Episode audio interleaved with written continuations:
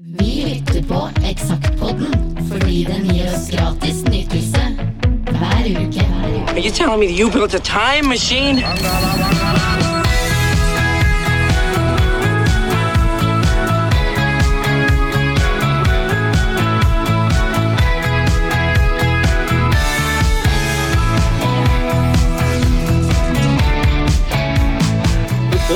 Sett på den andre sida her, men jeg har aldri visst hva det var der.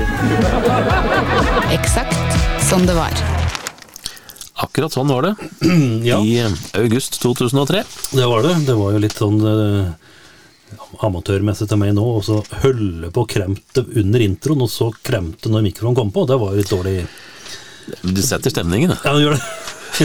Men da er ingen tvil om at der stiller vi med nyrensede stemmebånd, i hvert fall. Ja, og nyrenset papir.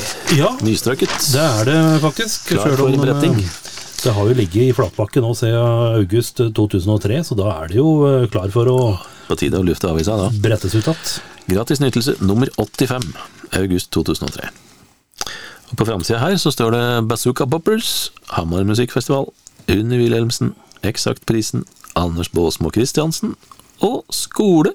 Hva trenger du? Ja, og så er det jo eh, Så vidt jeg kan, eh, kan se, så er det jo da ikke Anders Baasmo Christiansen som pryder framsida. Nei, i beste fall søstera hans. eh, Nei, det er jo Bazooka Boppers. Ja, Som er, det lov å si jenteband? Det er jo et Ja. men det er jo da av det er, piker. det er jo gutteband, så da må det være jenteband. da. Det må det være. Eh, Og som de eh, kommersielle aktørene vi var, så fikk vi jo flere sponsorer. og Vi hadde jo Sparebanken Hedmark og Trysilfjellet som eh, gode økonomiske bidragsytere fra før. Og så fikk vi Hamar Musikkfestival og Poppartner som støttespiller støttespillere i tillegg. Ja. Det var vel ikke fullt så mye økonomi der, men det var i hvert fall gode samarbeid. Så- Det var det. Og det var jo litt sånn diskusjon eh, både i redaksjonen vår og, ellers om det var greit med å ha logoer på framsida. Det var jo ikke alle som var helt fornøyd med det. Spesielt ikke de som var mest opptatt av det estetiske, de som jobba med det grafiske. Men eh, sånn gjorde vi det nå.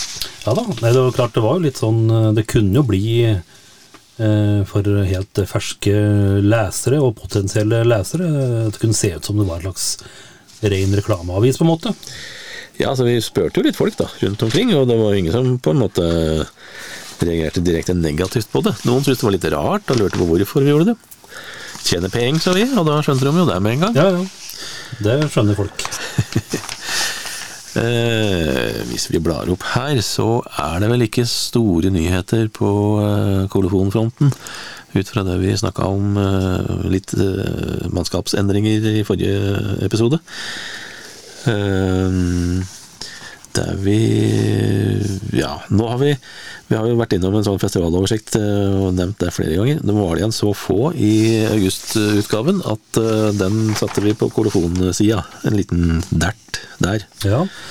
Det er jo Her var jo på en måte festivaler litt sånn samling av folk som eh, drev med ting og tang på scenen. Jeg ser på Lost Weekend i Hordaland. 7.-9. august. Der var det Briskeby, Bertine Zetlitz, Paperboys, Dagfinn Lyngbø Ja. og Unni Wilhelmsen, blant annet. Ja. Så litt sånn standup eh, midt i alt. Det kunne jo er kanskje derfor det heter Lost Weekend, for de mista bookingansvarlig, og så Ja. bare samle dem sammen nå. ble det det. Så har vi jo Lofoten Country Festival. Den uh, gikk av stabelen 6.9. i Leknes. Med Connie Smith, G. Thomas, Ann Taylor, Kenneth Veines blant annet. Der må jeg vel innrømme å si at der er det vel i farta bare G. Thomas og Ann Taylor jeg har hørt om. Av de fire. Ja. Vet ikke om eh, noen av dem driver på lenger, men Ingen aning. Og så har vi annonse for Hamarmarten her, som var 26. august til 31. august, og der var det Sprekt program, da. Ja, de, altså Hamarmarten satsa jo veldig på artister og lage en slags festival like mye som en uh, Martensperiode i forhold til Gjøvik, da, og mange andre byer for så vidt, som liksom har satsa mer på sånn folkefest-tivoli-greier. Så her hadde de med både Paperboys og Maria Rodondo og Gaute Ormåsen, Postgirobygget og Heidi Hauge og Jenny Jensen-show, så det var liksom En bra musikalsk satsing der. Mm. Så ser vi jo her på Ja, er litt artig, Ja. Der har vi faktisk på plakaten her så har vi vel to stykker da, som har vært gjester. Maria Arredondo, og så har vi jo Uhu-gjengen, da, med Espen Revli Bjerke. Han regner med å være i aksjon her og skremte eh, små og store. Han var med der, ja. Ja. Eh, preik her, ja. Er det noe artig her? Eh, svenskefilleren. Ok. Eh, hvordan kan det ha seg at svensker er så utrolig tåpelige i fylla? Ikke at vi nordmenn er de, beste heller, altså, men det var jo en eh, litt innholdsløs eh, innholdsløst preikinnlegg, må være lov å si. Hilsen Tessa, og hun fikk den nye til Metallica. Ja. Lykke til med den. Ja.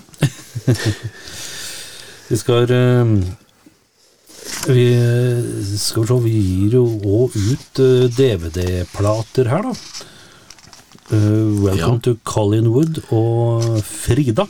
Ikke da norske Frida med hjertet i hånden, men uh, eh, Frida Kahlo. ja. Som Sam Hayek spilte. Og Welcome to Collinwood, som du nevnte, da, som har Sam Rockwell og George Clooney i hovedrollene, og William H. Macy òg. Uh, som er en veldig fornøyelig film. Den delte vi ut, så den sitter noen og har i hylla si fremdeles, sikkert. Ja.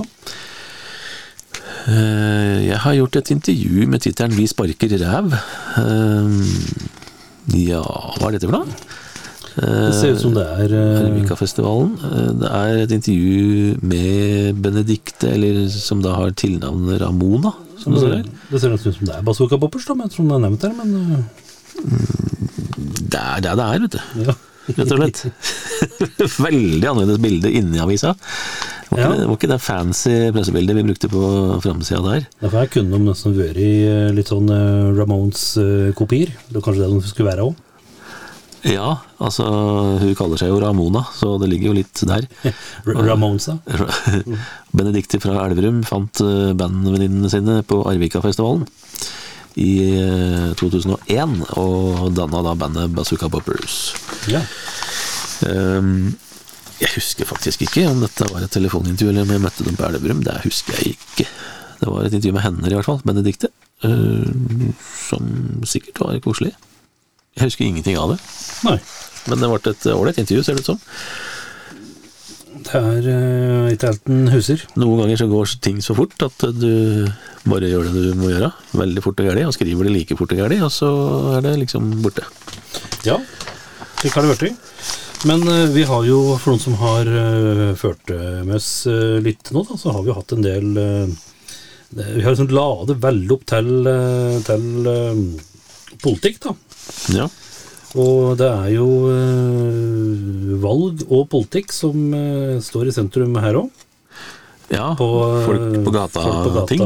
Så er jo spørsmålet, første spørsmålet da tror du våre lokale politikere har noen gjennomslagskraft overfor regjering og storting? Og der svarer Silla fra Brumunddal på 18 at noe gjennomslagskraft har de sikkert, vi må vel bare håpe, i hvert fall. Ja. Og Lars Bakken eh, fra Lillehammer, han eh, Jeg tror ikke de små kommunene har så store muligheter til eh, det som de store bykommunene, mener han. Nei. Og Martin fra Skedsmo er ikke som jeg har inntrykk av, svarte han. Enkelt og greit. Og så er det et spørsmål her da, som de utvalgte må svare på helt til slutt. Hvor mange nasjonale politiske partier har vi i Norge? Og jeg ser på fasiten her at dette her er da per 10. oktober 2002. Ja. Og der eh, er variasjonen fra Skal vi se 8 er vel det laveste her, og 40? Eller? 40 er vel det sprekeste eh, forslaget. Ja. Så det er, men det er jo imellom der. Det er eh, 24 ifølge fasiten her, da. Ja. Statistisk sentralbyrå sa det Ja. i 2002. Ja. Åssen er det nå, forresten? Det, Nei, det det har jo på litt Det er der, da. noen flere, da, men ikke så veldig mange, eh, mange riks, altså nasjonale partier. er det jo ikke så mange av. Nei, og noen har vel vært, vært borte òg, liksom Kystpartiet og likt. Det var kanskje ja. aksjon her, de er borte og litt slike ting. Så det er vel kanskje omtrent det samme. Ja. nå. Men hvis du begynner å grave i kommunepolitikken, så er det mange. Da er det litt uh, angeles. Du si det. Det kunne vært litt artig hvis uh, bygdelista hadde vært sånn nasjonalt uh, parti. måte. Alle slags bygderlista? Ja. Vært verdens største parti. Bygde-Norge-lista. Og så er det jo vår venninne, da, som uh, vi vel har nesten uh, ført seg dag igjen. Klippekort på. Ja. Ja. Vi hadde jo nærmest klippekort på Unni Wilhelmsen-intervjuer. Mm. Dette er vel det fjerde, er det det? På en ti års tid. Vi gjorde jo intervju med Juni Wilhelmsen stort sett når det kom ei plate, og det skjedde noe. Eh, Dette er jo det intervjuet som eh, Ja, som for så vidt har en artig forhistorie. Vi avtalte å møtes på Grønland, på parkeringshus på Grønland. Det høres jo litt sånn eh, Litt shady. litt shady ut. Men greia var at jeg skulle da parkere bilen der. Eh, og så sto Unni med den gule motorsykkelen sin og venta. Og da begynte jeg å ane uråd. Jeg har jo ikke vært eh, verken kjørt motorsykkel eller vært eh, passasjer på motorsykkel spesielt mange ganger. Eh, så, men eh, det var ja ja, bare hold rundt meg, sa så går dette bra. Og dura ut. Og sa ikke noe mer enn det. Og kjørte øh, langt og lenge. Og etter hvert så kjørte jeg jo rett og slett hjem til seg sjøl. Ja. Øverst oppe i Holmenkollåsen der. Hun er jo nabo med Christian Ringnes, så hun bor liksom godt opp i bakken. Og der øh, var det da laging av rød saft på kjøkkenbenken. Og så var det en liten spasertur øh, inn i skauen og inn til øh, det her tjernet som ligger bak Holmenkollbakken. Og der skulle vi gjøre intervju. Og det var veldig koselig, det. Absolutt. Åssen var det kom deg ned igjen? Måtte du Hun kjørte Du ned gjorde det? Ja da.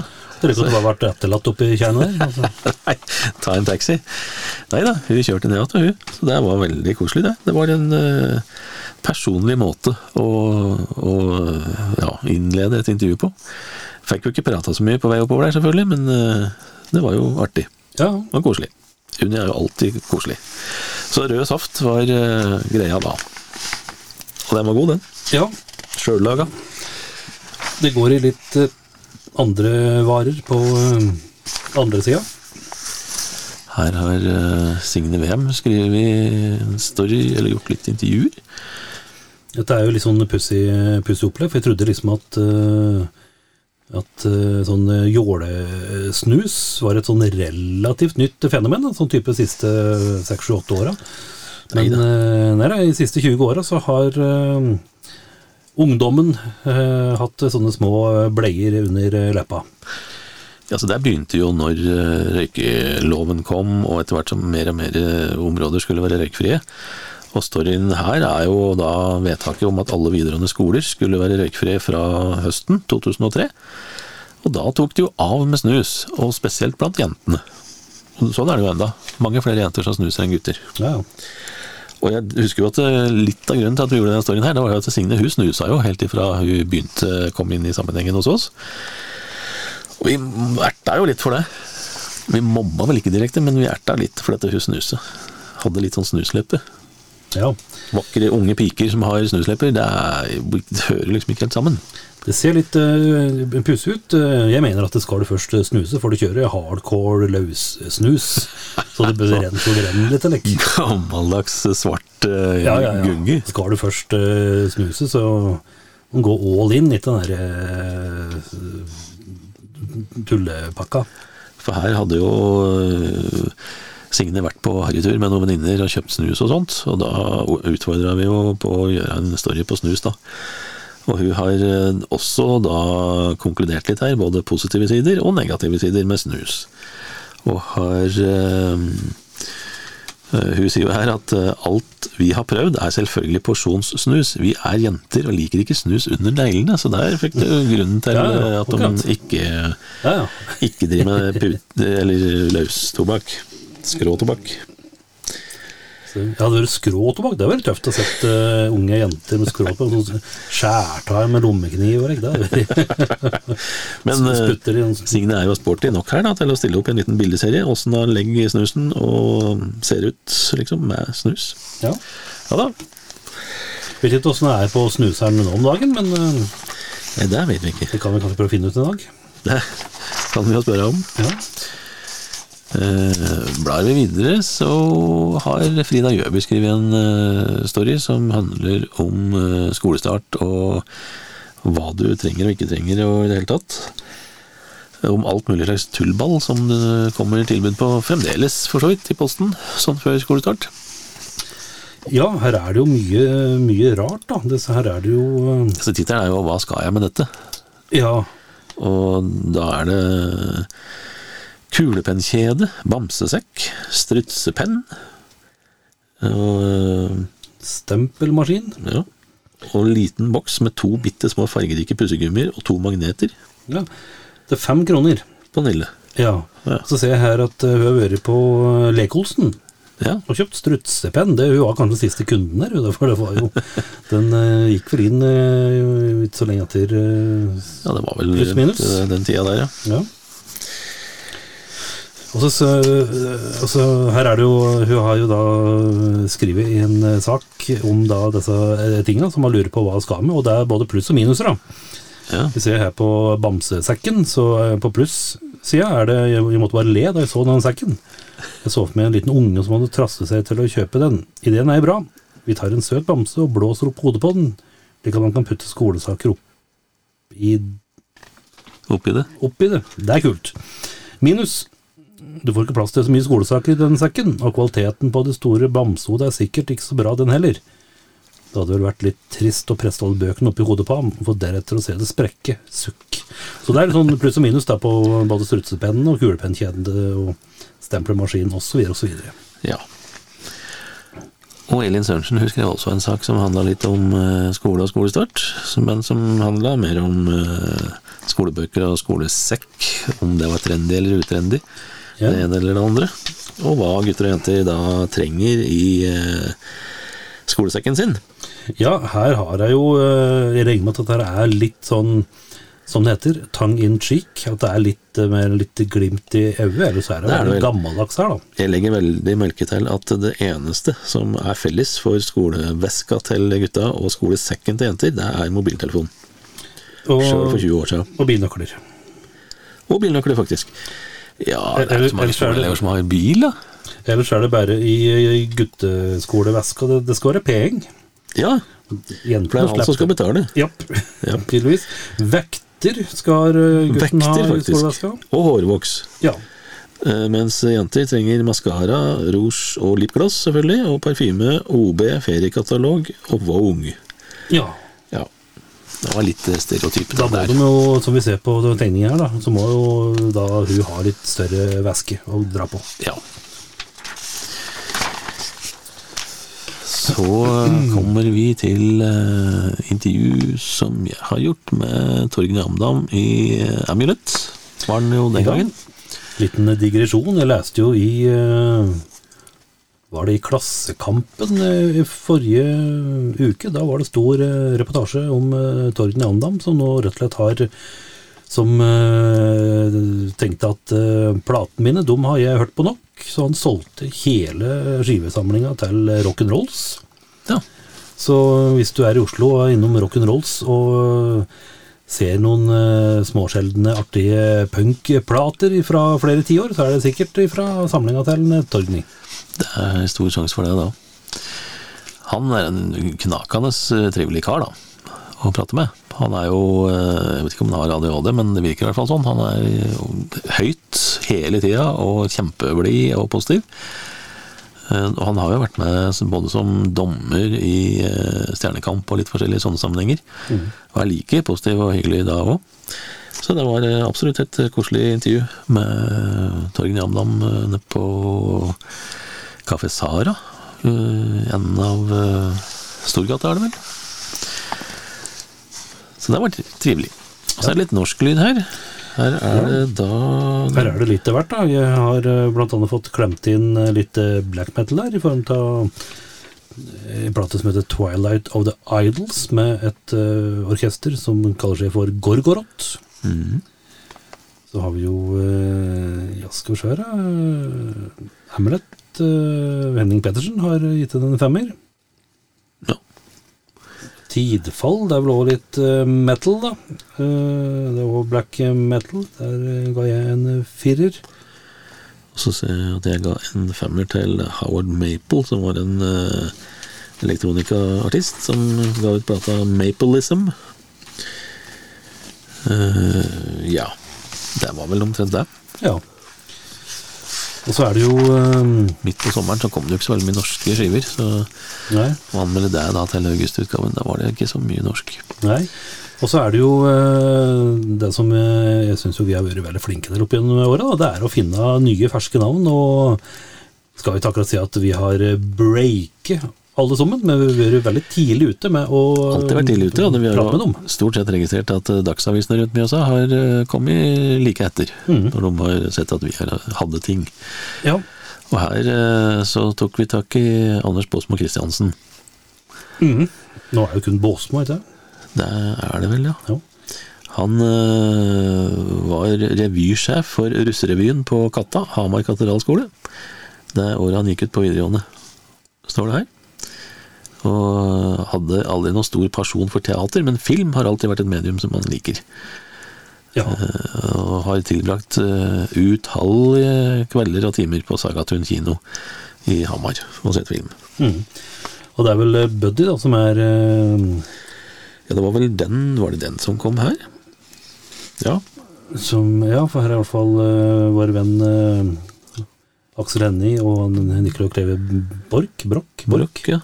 Mhm. blant annet. Så eh, det var da. Det var da. 20 år yngre enn nå. Ja. Og den har jo blitt en eh, moderne klassiker, må vi kunne kalle den, egentlig, i norsk film. Mm, ja, absolutt. Skal se her at du har eh, sett på den første Pirates of the Caribbean-filmen og gitt en lunken firer. Det er jo en fantastisk film, da. Ja, jeg hadde vel kanskje vridd opp til en femmer nå, Jeg syns det. Tror jeg. Men det var vel, ja, jeg vet ikke. Det er alltid sånn litt spennende med filmer som kommer sånn som du ikke veit om blir en serie, og ikke veit noe særlig om, da. Så tar du det bare for det det er der og da. Og den var jo en litt sånn tullete halvkomediefilm, som var litt vanskelig å plassere. Så den fikk jo veldig mye blanda mottakelse når den kom òg. Alt fra én til seks. Også anmeldt uh, Tomb Raider-oppfølgeren her, Cradle of Life, til en treer. Den er jo langt fra så artig og underholdende som den første filmen. Og Terminator 3, Rise of the Machines, uh, anmeldte jeg er til en femmer. Den syns jeg var litt tøff. Ja. På spillsida så er det Ja, her er det en ener fra Terje Kleven Drellvik, som han ga til Charlies Angels-spillet. Og så er det et, en femmer fra samme mann, som har han ga da til iToy Play, som jo er en veldig moro greie. Med kamera, og der du driver med forskjellige oppgaver, og alt fra vinduspussing til eh, platesnurring og alt mulig rart. iToy-fenomenet til PlayStation var en artig greie. Mm. Hadde til og med jeg hjemme, som ikke spiller dataspill. Eh, og Terje Kleven Trellvik han ga også Tomb Raider-spillet Angel of Darkness en toer, så det var ikke noe imponerende. Men han likte bedre Starsky and Hutch-spillet, da, som han ga en femmer. Ja, det er jo klassiker, i hvert fall TV-serien. Ja. Så har vi litt eh, utenlandske lyder, da. Her er det jo uh, ymse. Det er uh, Vi ser jo her at uh, Her er det mye rart. Ja, jeg ga BB King Reflections en uh, toer. Det var, Ja, det jo, ja, det var jo skive som en skulle Hvor den spilte inn at her spilte opp igjen gamle Slegers, som ble på en måte litt sånn sitt eget eh, coverband, nærmest. ja.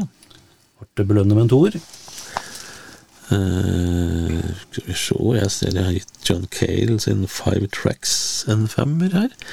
Den husker jeg veldig lite av, egentlig. Ja. Så ga du en sekser til Broadcast. Ja, Ha-ha Sound heter den. husker jeg ingenting av. Det er Bortsett fra at det var en litt sånn eksperimentell eh, eh, Eksperimentelt band som driver med litt elektronisk eh, sånn industriell rockegreier. Mm. Jeg har ikke hørt på den så veldig mye etterpå, antagelig. Nei. Og så har jo den en Kai Svenskerud som har gitt Damon Rice en uh, sekser. Ja, han var jo et fenomen på den tida her sånn. Mm. Damon Rice har liksom blitt borte. Ja. Jeg ser også øh, Det var en sånn fyr som jeg på en måte hadde litt sånn småsansen for, men så øh, ble det litt kjedelig òg. Jack øh, Johnson. Ja, han har jo gjort den samme plata ti ganger. Ja. Uh, On and On het uh, denne plata her, som uh, jeg ga en firer. Ja. Og Money Brother, eh, der står det faktisk ikke hvem som har skrevet anmeldelse. Nei, jeg husker i hvert fall at jeg gjorde intervju med en gang. Ja. Der var jo et uh, svensk band, var det ikke? Ja, eller én fyr. En fyr, ja. For det var jo også et sånt fenomen. eh, Både på turné eller live festivaler og sånt, og, og skivene som kom. Det kom vel Ja. to eller tre stykker. Har, du, har vi gitt en treer? Ja. Ja, et eller annet menneske. Vi kan se på topplista. da. Her kjører jeg på eh, eh, Kiss eh, Symphony eh, Alive 4. Per Gessle Maserin fortjener en plass på tabellen. Og så har vi noe som jeg ikke aner er for noe. Kype A. Keyholder. ja. Det var nok tøft. Aner nada. Og jeg hørte jo mest her da på Broadcast, Ha-Ha Sound, som du nevnte i stad, og eh, John Cale, Five Tracks, som jeg ikke husker en spøtt av noen av de to skivene. Så det er like gode der. Det var kult da, og så bare gjemte vi den plata i samlinga. Ja. Men jeg hørte jo mye på Unni Wilhelmsen sin Hurricanes Eye, da, som eh, intervjuet vi nevnte i stad var eh, utgangspunkt for.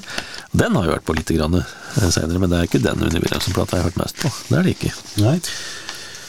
Mons album, Janes Addiction. Ja, det var jo comeback-albumet Strays, dette. Ja. Det var en kul skive, men jeg ga den en firer, ser jeg. Ja. Og det ville jeg vel eh, sikkert gjort nå. Ja. Så er vi på eh, metallen her, da. Eh, vi ser jo eh, Her er vi nesten tilbake Ja, på intervjusida, da, så er vi nesten tilbake på det første, platen, det første magasinet vi lagde. Fryktelig mye tekst på altfor liten plass. Ja. Og eh, jeg husker ikke helt uh, om jeg var irritert på denne her òg, for uh, for her eh, var jo jeg innom Jeg var i Oslo, Oslo Spektrum, på Aron Maiden. Og lagde en reportasje derifra. Og det var ikke bare at jeg var på konsert og knipset litt og synset litt, men jeg hadde jo faktisk fikk jo intervjuer med flere av kara. Eh, Jeg kan jo bare si det, da, at eh, aller først så fikk vi jo da Det var meg, altså en par til, som da fikk eh, høre på det kommende albumet, 'Dance of Death'. Ja. Det var i en buss som sto parkert i kjelleren på Oslo, i Oslo Spektrum. Og det var litt sånn Olsenmannen-opplegg, at vi ble G-lady inn i bussen, og så ble det liksom en sånn liten slags plastkoffert som var uh, tjorefast på et sånt bord inni bussen der. Ble låst opp, da. Der var det sånn, uh, sånn Discman-aktig. Så da fikk vi høre da, på kommende plate til Arm Maiden at det var kjempestrengt. da, Så det var veldig, veldig hemmelig. Platebransjen var jo ganske paranoide på det tidspunktet her, sånn. Ja. I forhold til kopiering og alt mulig rart. Mm. Fire låter står det her, som vi fikk lov til å høre. Det var eh, eh, det, som, uh, det som var. Eh, Wildest Dreams, Rainmaker, No More Lies og Montes Montescure. Um, og så var det intervjuer, da. Da hadde vi liksom fått utdelt uh, hvert vårt medlem, men da rom for å kunne traske litt rundt backstage eh, etterpå. Dette er det før konserten, da, selvsagt. Og det var da Nico McBrain, trommisen, som var min mann. Heldigvis, for han var en kjempefin fyr. Og spanderte, er koselig. ja da, spanderte Algrens biler eh, rundhåndet fra posen. Og eh, satt der og smårapa litt, for han hadde nok vært ute kvelden før, så han var nok litt eh, Måtte liksom eh, komme seg igjen litt, men veldig, veldig hyggelig og pratsjuk. Og husker det som en veldig fin eh, fint eh, intervju, og så traske litt rundt der, og så var det var de fleste opptatt med sitt, men eh, Dave Murray, han satt alene, så han gikk bort da, og han var jo veldig stillfaren og blid, og, og eh, forklarte mer om, om plata. Så det var en veldig, veldig trivelig stund i, i Oslo, Oslo Spektrum da. Og fikk tatt egne livebilder og greier òg. Ja, absolutt. Det er jo kult. Ja, absolutt. Så, eh, men klart, eh, hadde kanskje kunnet brette dette utover ti spalter på, på to sider. Vi burde ha brukt to sider på det. Ja, Eh, Både ut fra bildematerialet og, og tekstmengden. ja. Men sånn var det jo at vi ofte ikke gjorde det. Sånn var det. Vi kan bare se kjapt på plateanmeldelsen her. Her har vi jo blant annet et eh, dansk, dansk band som heter Menemic, eh, som eh, deres tredje plate. Det var litt sånn eh, trash speed metal. En femmer fikk den. Og så er det våre venner i mm, Kaipa, da, som eh, Ja, var det nevnte i stad? Som Ja. ga en sekser her. Svensk uh, Stemmer det. Hans Lundin og Roine Stolt. Altså det er litt sånn der gamle metallfolk. Litt sånn prog eh, Begynner å huske hvorfor du ga den sekser. Ja. Så hun sitter hus- husker ikke plata, men eh, det står her referanser av klassiske progressive band som Yes, Genesis og Gentle Giant. Men eh, heller ikke feil å trekke inn mer tilgjengelige i anførselstegn, band som Pink Floyd og Uri Heap. Så det var litt sånn flinkis med groove, ser det ut som, da. Ja. Uh, Arch Enemy, svensk eh, metall, fikk en uh, femmer. Og så har jeg da selvfølgelig brukt god plass på, på Kiss eh, Symphony Alive 4. Her eh, er jo da Kiss da i symfonidrakt. Og mm, eh, denne kan jeg stå inne for, faktisk. For her var det jo en periode hvor det kom veldig mye sånne mange rockeband som menger seg med symfoniorkestre. ja. London Symfoniorkester hadde vel nesten ikke noe annet å gjøre på det tidspunktet her sånn eh, et Ja. par år. De bare lagde plater med forskjellige artister. De var sikkert opptatt, så, de måtte, så Kiss måtte til Australia. Så, eh, men det som jeg syns er så stas med denne plata, det er at eh, her er alle låtene er, er omarrangerte for, for strykere. Så det, er, det blir liksom ikke bare at det er et slags stryketeppe som blir plassert litt sånn her og der, men det er gjort litt, eh, litt ordentlig. Så eh, så dette er litt artig, og for noen som eh, virkelig vil nerde, så er det jo litt en en liksom pussig besetning, da, for her hadde jo Dette var jo etter comebacket, selvfølgelig, da, og da hadde jo for lengst gamlegutta Ace Freely og Pitty Chris hadde jo da forsvunnet. Men så var det en klausul at det måtte være tre originalmedlemmer for å få noe For at dette skulle gå i boks da med betaling og slike ting, så fikk de hanke inn Peter Chris da på trommer. Mens Tommy Taylor spiller uh, gitar, altså så det var litt sånn derre Ja. ja, jeg, jeg, jeg, det, det var nok litt sånn stemning at uh, jeg vet du ikke vil, men eh, bli med. Vær så snill. ja, Eller så sliter vi. Og du påstår at Tommy Taylor her spiller Ace sine soloer bedre enn han mannen sjøl òg? Ja, absolutt. Han øh, han spilte jo i et øh, Så han er jo på en måte nok en sånn eksempel fra den der, øh, hva den heter den filmen, Rockstar. Ja. Spiller i et Kiss coverband og øh, etter hvert får jobben som gitaristen, så så, så det. Nei, det er en skive som er litt sånn halvutskjelt blant fansen, men jeg syns det er litt, litt tøft, det. Altså. Fyr opp, fyr opp. ja.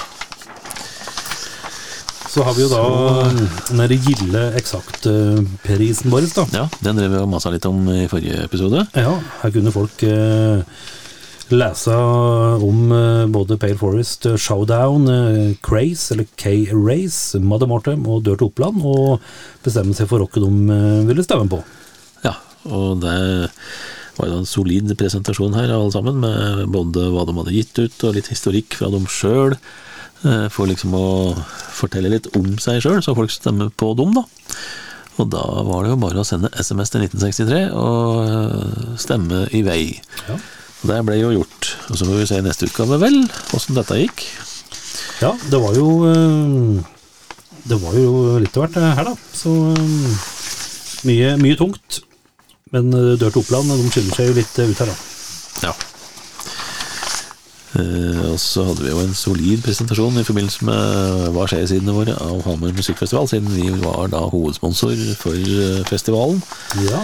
i 2003. Eh, Her er det jo eh, litt av hvert, da.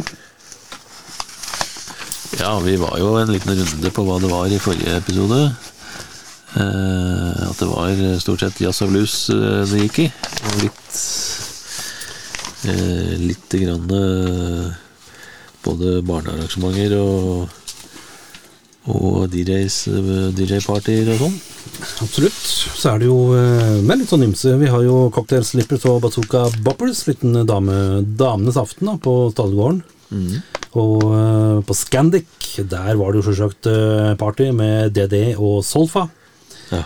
Uh, jazz på siste indre, som nå er Kaja Mattis sitt eh, vannhøl. Eller kafé, unnskyld. Eh, Hege Nilsens kvartett. Og Tor Gustavsen Trio.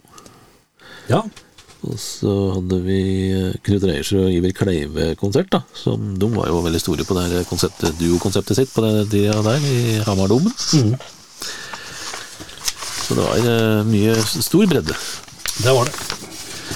På Skal vi se her, er dette eh, litt sånn hva skjer rundt omkring eh, her i distriktet, ja, eller regionen?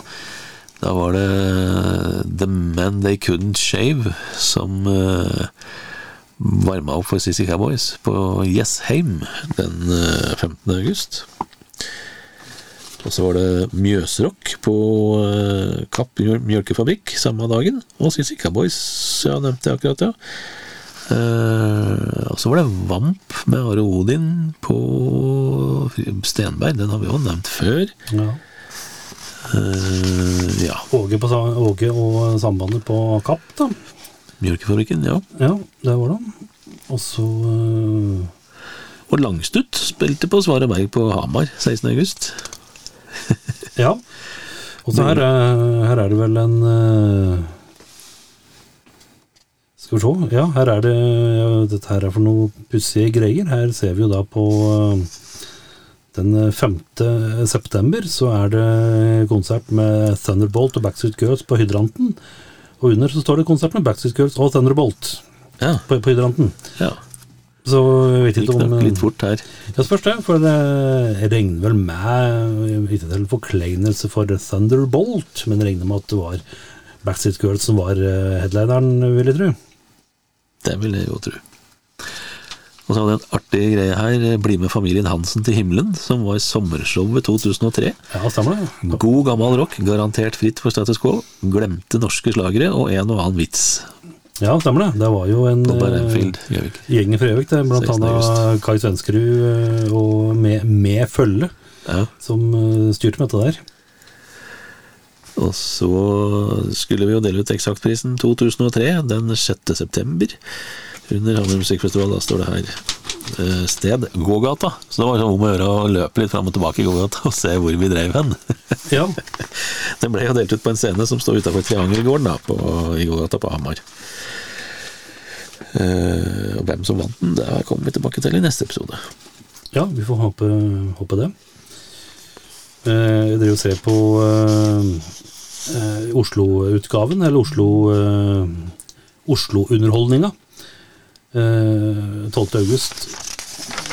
Nydelig kveld med Georgie Fame. Ja, Ulf Andersson og Claes Krona, trio på uh, smuget. stemmer.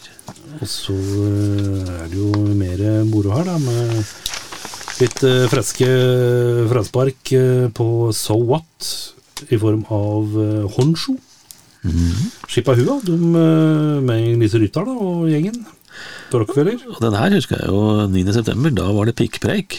Det var premiere på Penismonologene med Nils Ole Oftebro. Ja, stemmer det. Det var en hyllest til mannen og hans kanskje aller viktigste organ. Den fikk jo mildt sagt mye oppmerksomhet, den forestillinga der. Den eh, hadde premiere da 9. september på Lille Lillemaad på Smuget. Ja. Så ser jeg at eh, 21. august, da er vi òg på eh, Smuget. Da er det konsert med Wigwam. Ja. 70-80-talls rock. Dette var før de da ble såpass store som de ble. da.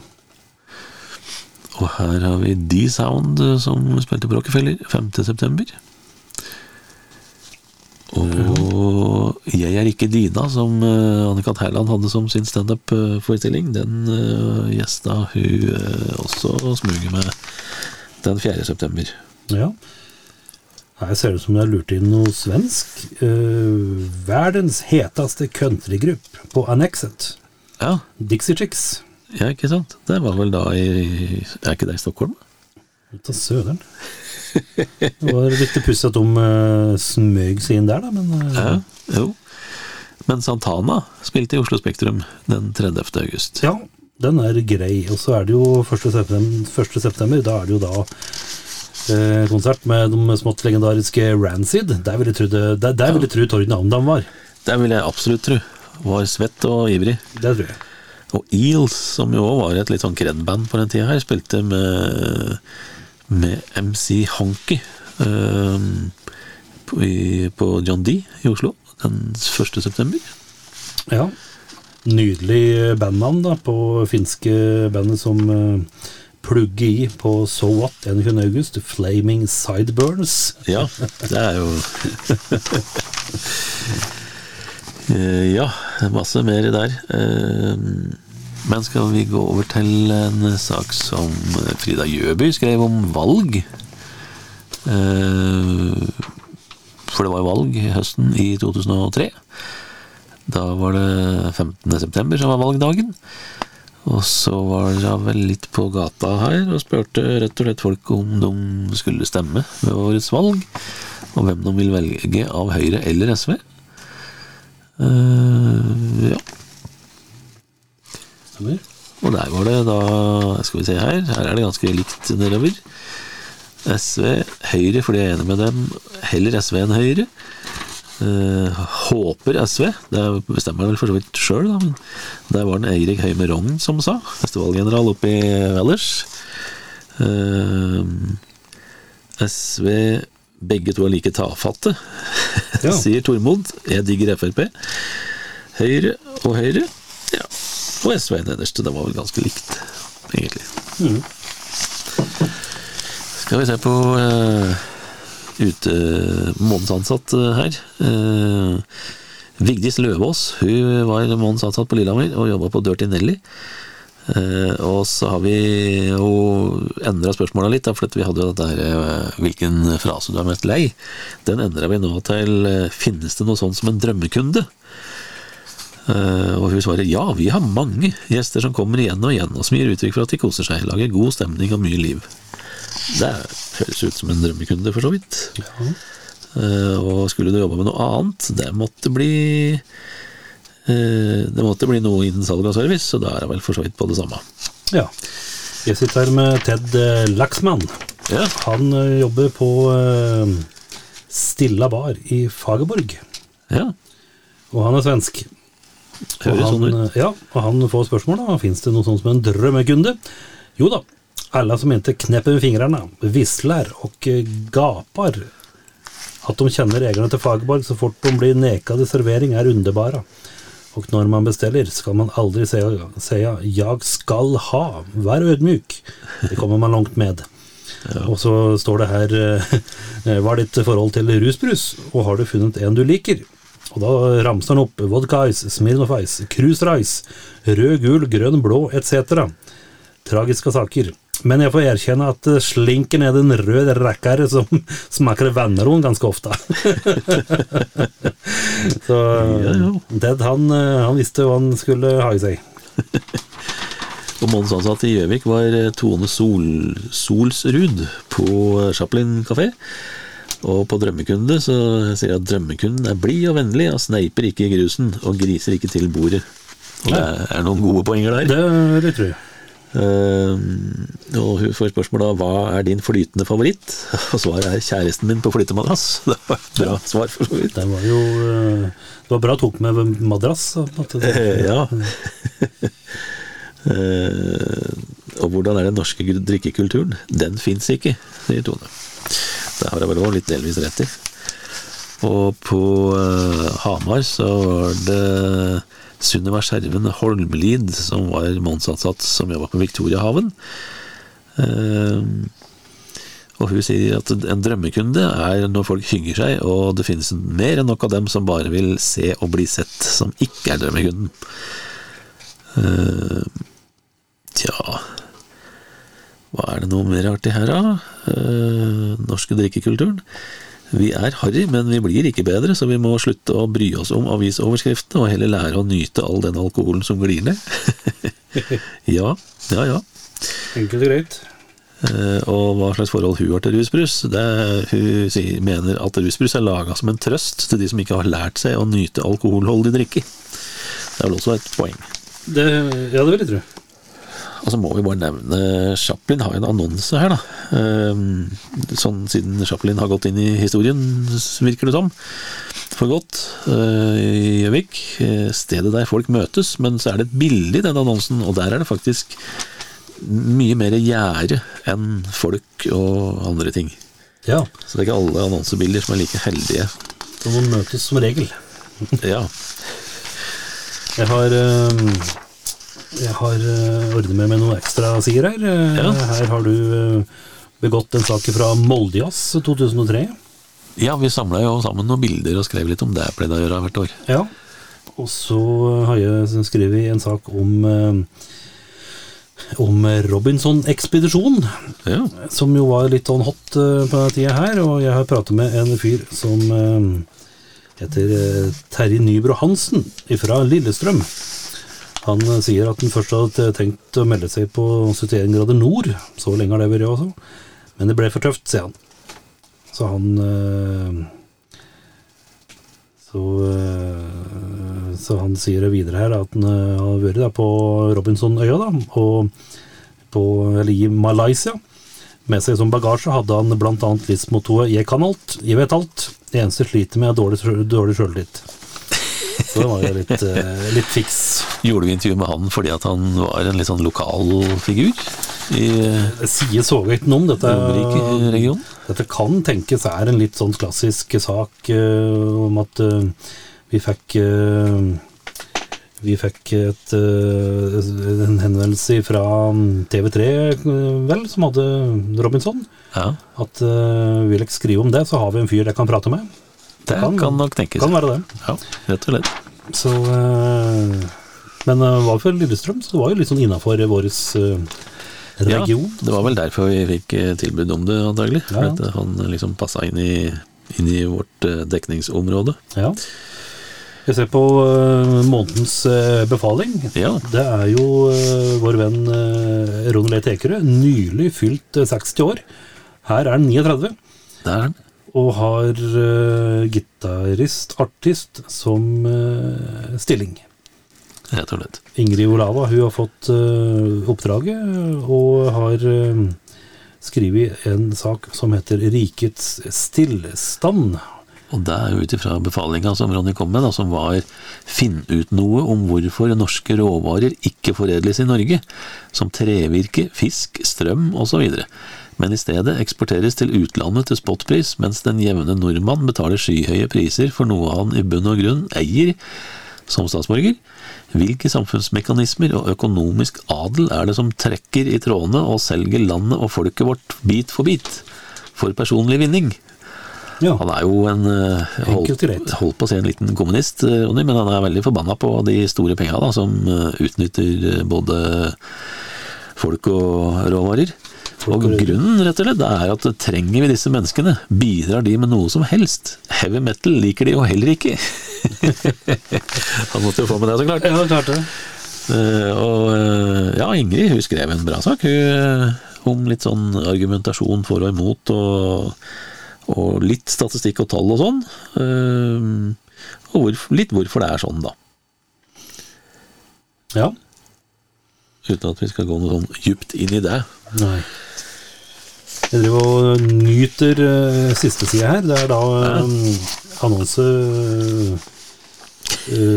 fra Unge Høyre. Eh, ja, Og Ungdomspartiet har jo vært litt uh, freske i, eh, i satsen eh, som regel. da. vi har jo dere snakka en del om disse CC-annonsene med litt sånn artige poeng at ja. den og den dro dit og dit, og alt jeg fikk var uh, dill og dall. Ja. Det er litt sånn samme ideen her, på en måte, men en helt annen jeg håper si et helt annet resultat. Ja, her henger det en, eh, en plakat på en eh, solid telefonstolpe med, med budskapet da, til Unge Høyre. Ja, og her er det vel litt sånn eh, for å få fram eh, da sin egen skolepolitikk, at eh, hvis det ikke blir gjort sånn som de vil, så blir det veldig mye dårlig språk og dårlig utdanning i skolen. Ja, dårlig håndskrift òg. ja. Her står det jo da Det begynner med Unge Høyre med O. Ja. Og det står jo da eh, Det, altså det, det er på en måte skrevet som det, som det læt. At uh, Unge Høyre mener at skolen er for dårlig, og at altfor mange lærere gjør skolen uinteressante. Dette er ikke jeg enig i. Jeg syns at skolen er utrolig bra. Jeg lærte kjempemasser. Nei til godere skoler og lærere. Unge Høyre in my ass. Så det var litt sånn der antibudskap i sitt eget budskap, dette kan si. Da. Sånn, eh, veldig morsomt. Og det, det skal jo sies, det kan man mene hva man vil om Høyre, men eh, det er vel det partiet som liksom har gått mest inn for å lage litt budskap og, og annonsering da, i valgkamp, retta veldig mot unge folk. Mer enn noen andre. Ja. Dette her var da Unge Høyre i Oppland som hadde lagd den annonsen der. Veldig bra. Yes. Det var rett og slett eh, august måned, det, i 2003. Ja, det betyr jo da at eh, når vi høres igjen om eh, ei uke, da skal vi jo da vri om, eh, eller vri, vri over, eh, hva heter det for noe? Eh, Snu bladet på kalenderen til eh, august 2003. Så får vi se hva vi hadde å Fra august til september 2003. Ja, sånn blir det selvfølgelig. September neste, Ja. neste utgave. Slik eh, blir det. Det blir litt, litt masete å ha to augustutgaver på rappen, så vi får vente et år, år til med den. ja, rett og slett. Men vi eh, høres rett og slett, vi. Det gjør vi da, så eh, om ei uke. Og hvis du er fersk lyar, så er du jo da eksakt podkasten du hører på, enten eh, på Spotify eller på Radio Toten. Og syns dette hørtes fantastisk spennende og morsomt og interessant og eh, helt nydelig ut, så er det bare å klikke inn på Spotify på eksakt sånn det var, og hør på matta episoder med gammel moro.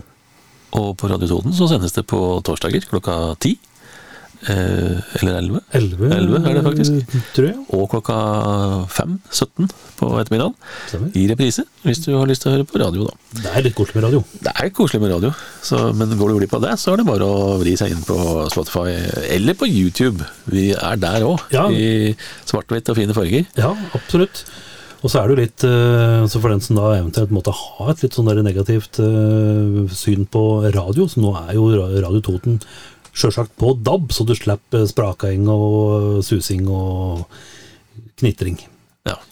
Krystallyd i flere kanaler. Så det er ingen unnskyldning for ikke å høre på. Det er det fins både her og der. Det gjør vi, så eh, da får dere ha en eh, nydelig aften og en nydelig dag. Og det som ellers eh, måtte stå foran deres mosegrodde stier, så høres vi om ei uke. Yes. Vi lytter på Eksaktpodden fordi den gir oss gratis nytelse hver uke. Are you telling me that you built a time machine?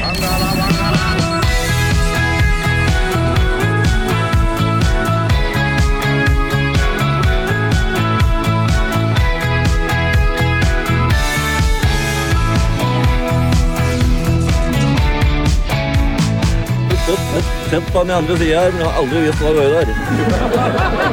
Eksakt som det var.